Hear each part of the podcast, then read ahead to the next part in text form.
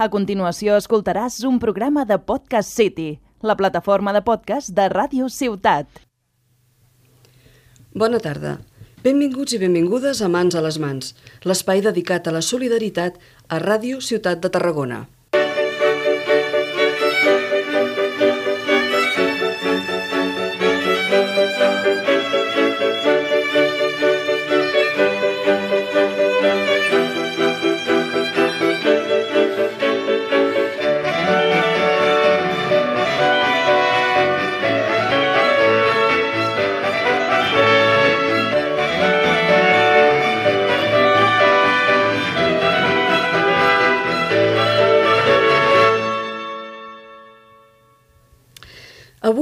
Avui, ja us ho adverteixo d'entrada, us presentem un podcast delicat. Avui parlem de la unitat de dol i pèrdues, que actua a nivell privat sota el subtítol No està sol. Mireu, de vegades, a la vida, fa falta saber-se recolzat.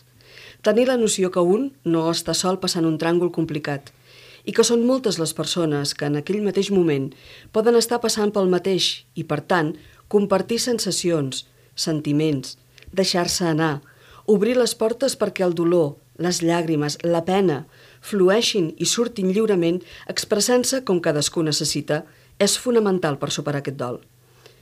Això passa perquè de vegades, com deia el poeta peruà César Vallejo,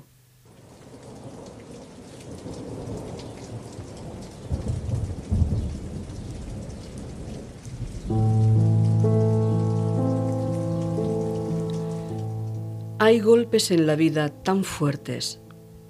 Yo no sé.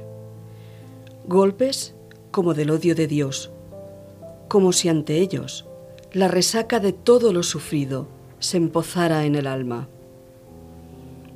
Yo no sé. Son pocos, pero son. Abren zanjas oscuras en el rostro más fiero y en el lomo más fuerte. Serán tal vez los potros de bárbaros atilas, o los heraldos negros que nos manda la muerte. Son las caídas hondas de los Cristos del alma, de alguna fe adorable que el destino blasfema. Esos golpes sangrientos son las crepitaciones de algún pan que en la puerta del horno se nos quema. Y el hombre, pobre, pobre, vuelve los ojos como cuando por sobre el hombro nos llama una palmada. Vuelve los ojos locos y todo lo vivido se empoza como charco de culpa en la mirada. Hay golpes en la vida tan fuertes. Yo no sé.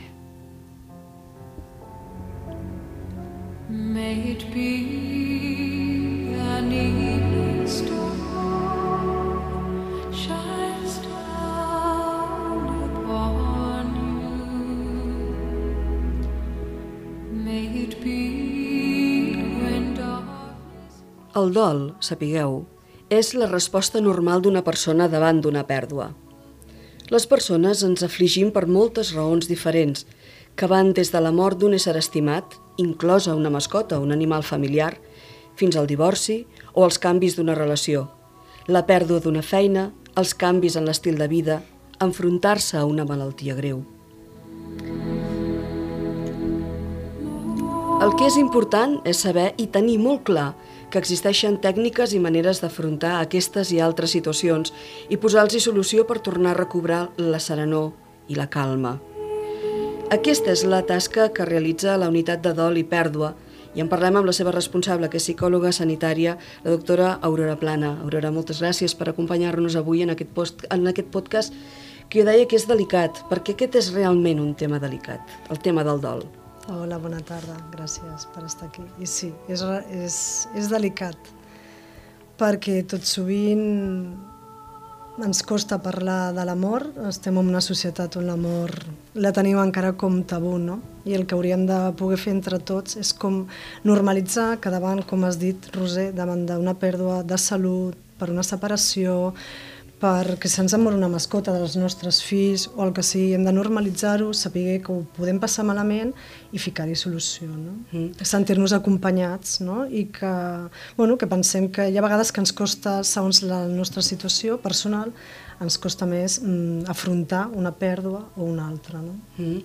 Uh, ens trobem, això, moltes vegades, i no només una vegada, sinó moltes vegades a la vida, en diferents situacions diferents que ens porten a aquest estat de dol.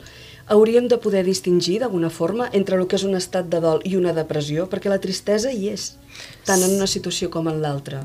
Sí, el que ens diferenciaria eh, en el procés de dol hi ha unes fases, no? i una d'elles podríem, segons els autors, podríem dir que seria la depressió, però com veiem la depressió dins un procés de dol normal? Quan dic normal és que no és un procés de dol complicat ni patològic, després si vols en parlem. Mm. Què és la tristor? No? Són emocions que estan vinculades amb una tristor, amb una apatia, amb unes ganes de no fer res, inclús amb una, en, la primera, en els primers moments d'un aïllament social, un no té ganes de fer res, no? que et diferencien, com molt bé deies, de la, de la depressió mm, típica de salut mental. No? Com ho podem, les dues característiques que ens fan diferenciar-ho és el temps i la intensitat. És a dir, mm, amb una depressió, amb una depressió en l'estat de dol, mm, si portem sis mesos que han perdut una pèrdua, el nostre cercadit s'ha mort, direm que és normal que estiguem tristos, que, que estiguem apàtics, però passat un cert temps i veiem que aquesta tristor perdura. I a més a més la intensitat. En un procés de dol, arribem a una, a una etapa que és la, la, la, ara em surt l'acceptació, que és com fluctuem estats d'ànim, em permeto poder riure una estona, poder plorar, vaig fluctuant, i en canvi amb una depressió dins d'un procés de dol, quan ja es complica i és patològic, no hi ha aquesta permissió, sempre ens radica l'estat de culpa. Val? Llavors és la intensitat en què és aquesta tristor, aquesta apatia, aquest deixar-nos anar i sobretot la durada que té aquest, aquest procés. Mm. És el que ens diferencia, el que ens diu alerta, podem estar davant d'un dol o un procés de dol que se'ns pot complicar. Mm. Per tant, d'alguna forma, la primera persona que s'autodiagnostica, per dir-ho així, és qui ho està patint, per distingir eh, ara en aquest moment ja necessito ajuda o necessito ajuda d'una manera o necessito d'una altra. És a dir, necessito doncs, això, un recolzament psicològic eh, amb un grup de persones doncs, que, que estiguin passant més o menys el mateix que jo i que m'entenguin, o ja necessito, a més a més, que em donguin algun tipus de medicament, algun tipus de tractament d'un altre tipus. Mm. Per tant, entenc que la, la, la, la persona que ho pateix és la primera que s'autodiagnostica en aquest cas. Sí, nosaltres a l'estar dins un CAP tenim, bueno, i si les persones venen d'aquí, que poden vindre de qualsevol lloc, no? sí que ens venen molts derivats de, de qualsevol lloc, de que el seu metge de família els ha dit, mira, crec que necessites a part, mm, t'està costant una mica superar aquest tràngol, igual necessites una mica de medicació, no? o necessites una ajuda psicològica però com bé dius també sí que és cert que quan t'arriba la persona et diu mira, mm, m'ha passat això, acabo de perdre aquesta persona o davant d'una pèrdua de salut. Crec que no ho estic portant bé perquè no dormo, perquè no menjo, perquè tota l'estona ploro, perquè inclús no, no em puc aixecar del llit i tot tenint un fill i no em puc fer càrrec d'ell. No? Aquest aïllament ja perdura massa en el temps. No? Llavors te demanen ajuda de què faig, necessito ajuda, anem a veure com podem solventar això. No? Uh -huh. Quines serien les fases normals d'un estat de dol? Segons els autors, però podríem començar per una, una negació, que la fase de negació es caracteritza perquè nosaltres aplacem aquell dolor, ens neguem a que aquella pèrdua, aquell amor, ha sigut real. Sobretot ens hi trobem amb, amb els accidents de tràfic o una morsortada, un suïcidi, no? Com pot ser si jo m'acabo d'acomiadar d'aquella persona i m'estan trucant al cap d'una hora que ha tingut ha patit un accident o, o, o s'ha suïcidat o qualsevol cosa. No? Ens neguem, per què? Perquè estem aplaçant aquest dolor, no podem digerir mentalment ni físicament aquest dolor que causa. No? Després, que bueno, això fa que amortigua el nostre dolor emocional. No? Després podríem passar a la fase d'ira, no? per denominar-la així, què, què és allí? La ràbia, la culpa, el per què m'ha passat, això, no, això es podia haver evitat. Mm, ens adonem, ens, ens fa conscient la mort, la pèrdua, i diem, és irreversible no té volta atrás. Estic, rebel·lo contra el món. Aquelles frases que tots diem, tanta gent, i per què m'ha passat a mi, Clar. què ha pogut passar, què he fet jo, doncs bueno, no? I bueno, arrebatem, hi ha molta ràbia. Ens autoflagelem moltes molt, vegades, molt, eh? Molt, molt. I sobretot ja et dic, eh, si hi ha un suïcidi o imagina't que en, ens anem a, ens allitem i ens hem discutit amb la parella o amb un fill, ja ha tingut un accident. Uf. Ah, llavors això ens acompanya i ens, això és el que ens més ens, difu, ens dificulta als professionals, a que el procés de dol acabi, per dir-ho d'aquesta manera, deixem-ho dir, sisplau, amb un cert èxit. No? Després tindríem la fase de negociació, no? És, mm, seria, si jo no hagués fet allò, potser no hagués agafat la moto.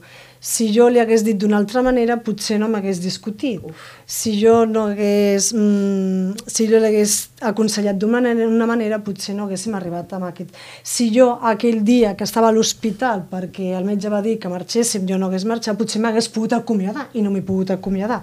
Tot és una pèrdua de salut que eh, hem anticipat, no? que, que s'ha ha d'arribar a un final, que és la mort, però casualment aquell dia s'ha quedat el germà i no m'he quedat jo i no m'he pogut acomiadar i, bueno, circumstàncies que es passen, no? I és aquest, aquests petits retrets que ens fem, no? Després podríem dir la fase de depressió, no? que és, però és com he dit, explicat abans, són emocions que ens són vinculades amb una tristor i amb una apatia, val? que la diferencien, com he explicat abans, de la, de la depressió en salut mental. No? I després ja per últim seria la, la de la fase d'acceptació, que aquí és quan la persona aprèn a viure amb el dolor emocional, perquè el dolor el tenim. No? Una persona que ha perdut un fill, el dolor l'acompanyarà Tota la vida. tota la vida, però més o menys ho podrà portar d'una millor o, d'una manera més òptima, per dir-ho així. Però és important recalcar que el dolor emocional el portem, sobrevivim amb ell, el portem, ens en recordem, però aquí sí que ja s'alternen el he pogut sortir a sopar amb les amigues i, ai, mira, he pogut riure una estoneta i ja no tinc aquella culpa. Ostres, potser que estic deixant de pensar en una persona estimada? No, és que ja em permeto disfrutar una mica, ja em permeto sortir una mica més, no tinc aquell sentiment de culpa i ens alternem amb la tristor, amb el riure.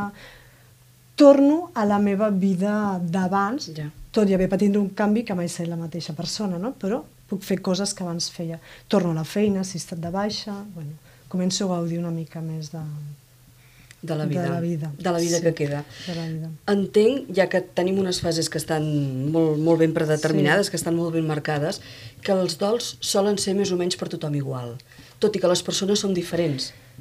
Ens marquen unes fases que és per on ens guiem nosaltres, no? Si una persona està molt arregada a la- a l'emocionalitat serà o a la ràbia o a l'ira, diré, bueno, estem per aquí, no hem acceptat, vull dir, anem a veure què treballem, treballem des de la, des de la part més racional, no? I si la persona està racional, que he pogut fer amb aquell pensament tan obsessiu, la portarem a l'emoció, no? No té per què tothom passar per les mateixes fases, perquè pot ser que una persona la fase de la depressió no la tingui tan accentuada, però sí que hi ha trets que ens caracteritzen a tots. I com bé dius, ens diferencien els fets individuals. I el tipus d'amor, l'edat evolutiva de la persona, no el mateix patir una pèrdua amb un nen que amb una persona adulta, és diferent, no? Quan l'ordre de les coses es trenca, és a dir, tots tenim a la família doncs, alguna persona gran, doncs, un avi, una àvia, un tiet, mm. alguna persona que ja veus que està arribant sí. al final de la seva vida per una qüestió estrictament d'edat. Sí. Quan aquesta persona mora, mm. perquè finalment acaba morint, mm. eh, no és el mateix que quan es trenca l'ordre natural i mor un que està al mig o un que està començant. Exacte, perquè a més a més és que l'estructura familiar canvia. Clar. Sense voler, hi ha nens que es fan càrrec, imagina que han perdut el pare. Doncs imagina que el fill gran no li toca fer de pare, però veu que la mare està afligida. Canvien els rols i es desestructura tot. Llavors s'ha de tornar a reestructurar. I clar, d'una persona gran, clar, naixem no? per després morir, tots clar. tard d'hora. I si és una persona gran, clar, evidentment que ens fa pena, és una persona que estimem, és un avi, que els estimem molt, un pare, no? Però, clar, és aquella frase que tots diem, és llei de vida. És llei de I és vida. com que ho acceptem més. Ara, que se'ns mori un fill per una malaltia, que se'ns mori un amic nostre o bueno, que la pèrdua sigui, doncs ens afecta més en el sentit emocional i d'acceptació. Eh? Clar. Com s'ajuda una persona que està en un estat de dol profund? Per exemple, això, una persona doncs, que ha perdut, per dir una cosa, ha perdut la parella eh, i l'ha perduda d'una forma sobtada. No és una malaltia que ja veus que va malament, malament, sinó que, patapam, hi ha hagut aquí un trencament brutal. com se l'ajuda amb una persona així? Més que res t'ho dic, Aurora, perquè les persones que estem al voltant ens quedem moltes vegades mudes, sense paraules. No saps ben bé què dir-li, no saps... No, no sabem això gestionar. Com ho gestioneu, això, els professionals? Pues, Roser, costa, la veritat. Costa, clar. Perquè sempre caiem en aquells tòpics, aquelles frases que el temps ho cura tot, vinga, va, que la vida continua... Uf. I jo tot això trobo que no s'ha de dir, perquè la persona ja s'aixeca cada dia i, evidentment, per ella la vida continua. I no ens trobem a la seva situació i no sabem com estaríem nosaltres. Jo, quan tinc un pacient davant, el primer que faig és l'entesa. No jutjo, perquè ja et dic, si és una, com m'estàs plantejant, si és una mort sobtada, sempre hi ha culpa, sempre. Perquè sempre pensarà per què aquell dia no vaig poder gaudir tant, si jo hagués sabut que això passaria no li hagués dit aquella cosa, Clar. sempre. Llavors el que intento desfer és aquesta culpa, i que és veritat, que s'ha de permetre estar malhumorada, que de, se li ha de permetre qualsevol cosa amb aquesta persona, l'hem d'acompanyar, que si fa falta donar un cop de puny al faci, però amb poc a poc l'hem de treure d'aquesta culpa i hem de passar-lo, anar-lo acompanyant a la, a, a, a la vinentesa de dir val, deixo enrere això, intento tirar endavant amb el que m'està costant, que accepti la nova realitat, encara que és costós, eh, acceptar-ho. I sobretot no jutjant, sobretot no dient aquestes frases. I a vegades val més un estic aquí pel que necessitis, que no donar aquests consells que no, no ens serveixen de molt, la veritat. Sí. El que passa és que bonament Sí, sempre ho diem, eh? sí. Jo, a, mi m'ha passat això de vegades, quedar-me sense paraules... i- mm, i No sé què dir-te. Exactament, i de vegades és, no sé com dir-te, potser més, més útil una abraçada silenciosa Sí, sí. que no pas És moltes molt- paraules sí. una darrere l'altra. És molt important respectar els silencis i a vegades hi ha pacients que, de, depèn la pèrdua, se, se- se't queden plorant 5, 10 minuts i tu estàs allí com... Però clar, mm, ells ho necessiten, és, és que els hi hem de donar aquest espai, Clar. perquè pensa que quan venen amb un psicòleg ja, no? o, o van al psiquiatre que necessiten medicació, és com, és algo molt íntim que t'han d'explicar, t'estan explicant tot el que ha succeït, ho estan revivint una altra vegada, total que comencem des d'un inici, i els hem de permetre que si en una sessió se'l poden explicar mm, un- a l'inici, no passa res, que plorin, que treguin tot allò que necessiten treure. Perquè molt sovint, imagina't que ha sigut mort, bueno, és que ja fa sis mesos, és que la gent me diu que he d'estar millor, és que la feina he de demanar l'alta, la meva germana em diu, la meva mare em diu, ja, però no podem pressionar d'aquesta manera, hem d'acceptar que hi ha unes persones que triguen més temps, unes altres més, i que d'altres es queden allí i no ho acaben de superar. Doncs els hem d'ajudar a, a, a que tinguin un espai i que es sentin el més recolzats possibles per nosaltres. Tot i que sempre dic que els podem recolzar, els podem entendre, però han de formar un paper actiu en el procés, perquè si no ens quedem al no puc, no puc, no puc, i aquí sí que ja estaria, estaríem parlant d'un dol Crònic. patològic i clònic després. Sí. És com un cercle tancat del qual no hi ha gaire sortides. És un procés que és, que és personal i que, i que s'ha d'anar fent. Aleshores, en el moment en el que en tu et venen persones, Aurora, eh, que, que això, que, que necessiten aquest tipus d'ajuda, que estan en aquest procés de dol, que han tingut una pèrdua important, mm, què és preferible? Tractar-les unitàriament, d'una en una? És millor una teràpia de grup? És millor que es puguin explayar, compartir amb els altres el que està passant? Com, què és el millor? Com funciona tot això? A veure, nosaltres actualment teràpia de grup no en tenim, però perquè la nostra ciutat és petita. Ja. Llavors, mm, moltes persones el que volen és la privacitat, sobretot davant la pèrdua d'un fill i dels suïcidis. És cert que a Barcelona funciona molt bé els grups de mm, els grups d'ajuda mútua en quan sols són suïcidis o sols són pèrdues de fill. Entenc. Però clar, hi ha una població com més gran, no? Aquí, no és, quan hem pogut fer algun grup, no és el mateix que se t'hagi mort la mare de 95 anys, el que dèiem abans, que el meu fill eh, d'una leucèmia que està lluitant des de que va néixer i porta 10 anys i s'ha mort, i el meu fill que pues, mm, es va tirar a les vies del tren o qualsevol altra cosa, no? Llavors, barrejar aquestes coses, a vegades mm, la persona mm, és més reticent, que ajuden sense cap mena de dubte, perquè per lo que està passant una persona, l'altra et pot entendre. No hi ha ningú millor que t'entengui que una persona que hagi passat per les mateixes o per una situació simul, similar, no?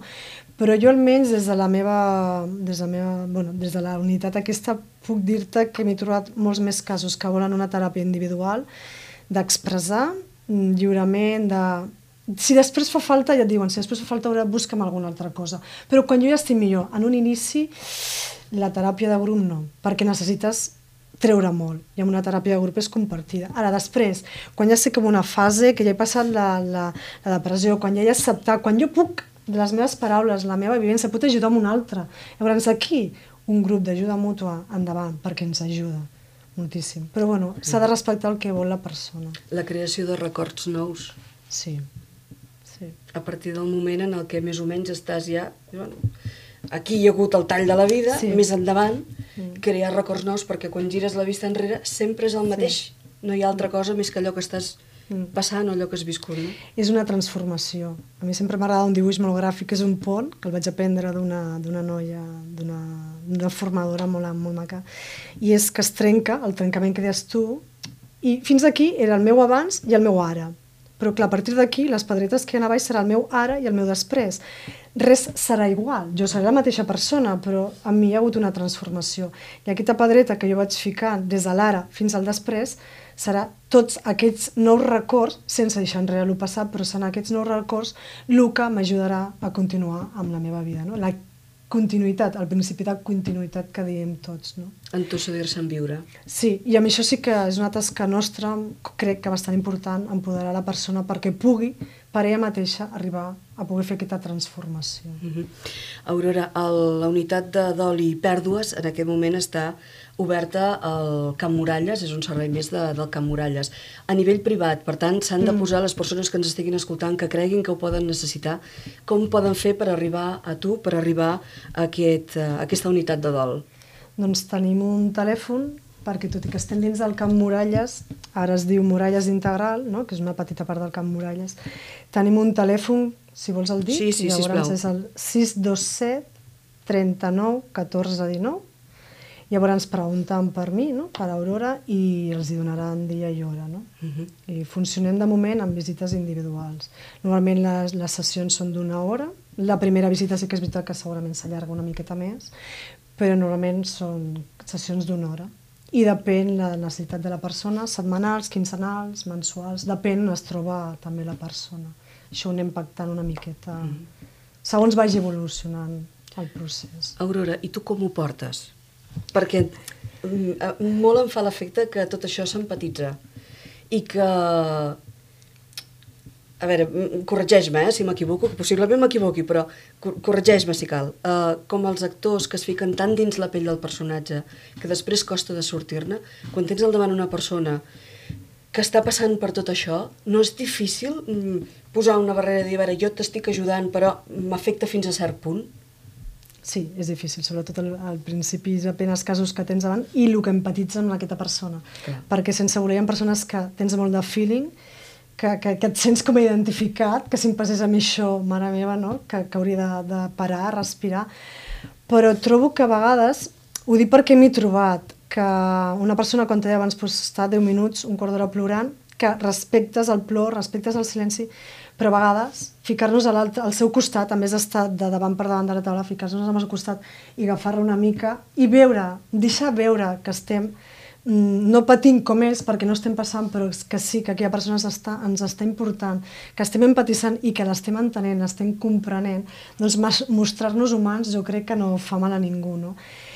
I, bueno, i hem de tindre cura. I hem de saber, o almenys jo, hem de saber que fins aquí empatitzo, però quan veiem que això ens està tocant i que veiem que estem, doncs, llavors sí, ens tirem enrere, respirem i diem, ara no toca, ara que plori, ara canvio, recondueixo una miqueta la situació per salvaguardar- sal- salvaguardar-nos a nosaltres mateixos.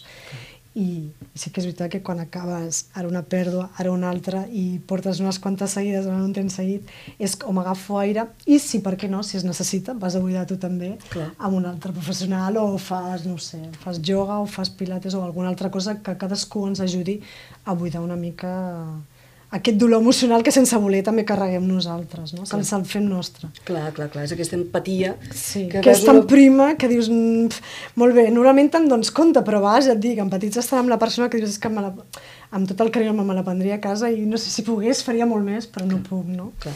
Jo sempre dic, en en el meu cas en concret, que hi ha dues coses que jo no puc veure a un altre fer. Una és vomitar i l'altra plorar, perquè jo vaig immediatament al darrere.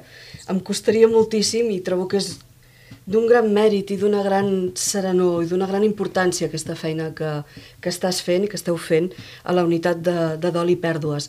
Recordem als nostres, als nostres uh, oients que si penseu que necessiteu aquesta, aquesta atenció s'està oferint al Camp Muralles, uh, en aquest cas és el carrer Escultor Verderol sense número i teniu un telèfon a disposició a Muralles Integral, que és el 627 39 14 19. Uh, L'Aurora Plana és psicòloga sanitària d'aquesta unitat de dol. Aurora, t'agraeixo moltíssim, moltíssim que avui hagis estat aquí amb nosaltres a mans a les mans. Jo comentava que és un tema que és, que és delicat i que ens afecta a tots en algun moment de les nostres vides, fins i tot en més d'una ocasió. I parlar-ne amb serenor, parlar-ne amb tranquil·litat, eh, deixar una mica enrere això, aquesta mena de, de negació, no? Ens costa parlar de, de, de, de quan una persona propera o quan, quan, quan se'ns mora un familiar, quan se'ns mora, quan passem per situacions d'aquestes. Per tant, t'agraeixo moltíssim la teva amabilitat avui, el, totes les teves explicacions, que penso que són molt, molt útils, i, i bueno, en fi, espero que, que tot vagi molt bé, que empatitzis el mínim i que, que aquesta unitat de dol doncs, funcioni i, i ajudi a moltes persones que, que ho poden necessitar. Moltíssimes gràcies. Gràcies, Roser, i gràcies sobretot per deixar-ne, no? donar una mica de veu i que entre tots puguem parlar amb més naturalitat de l'amor i puguem ajudar més persones. Per això som aquí, per això és la ràdio també. Moltes, gràcies. gràcies.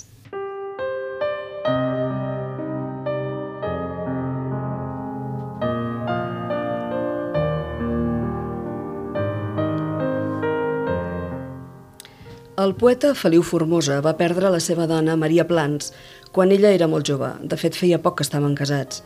Ella no tenia ni 30 anys quan un tumor al cervell se la va endur. I ell va quedar destrossat per la pèrdua. En honor de la muller perduda va escriure un meravellós poemari, el que va titular Cançoner, i en el qual hi ha poemes dedicats a la seva dona, com aquest. Torno a la cambra exigua on vam ser una vegada. A sota hi ha una plaça amb una estàtua blanca que té la teva cara. Algú ha tancat la porta. Obro la balconada i veig coloms que volten la teva estàtua blanca.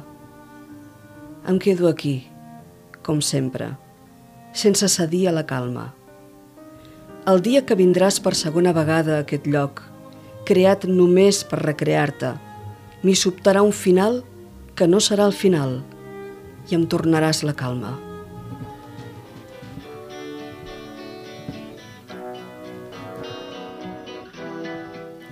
Avui la unitat de dol i de pèrdues amb la doctora Aurona Plana han sigut els nostres protagonistes a mans a les mans. Moltíssimes gràcies per la vostra atenció. Us hem acompanyat el Toni Garcia i us ha parlat Rosa Pros. Fins al proper Mans a les Mans. Adéu-siau.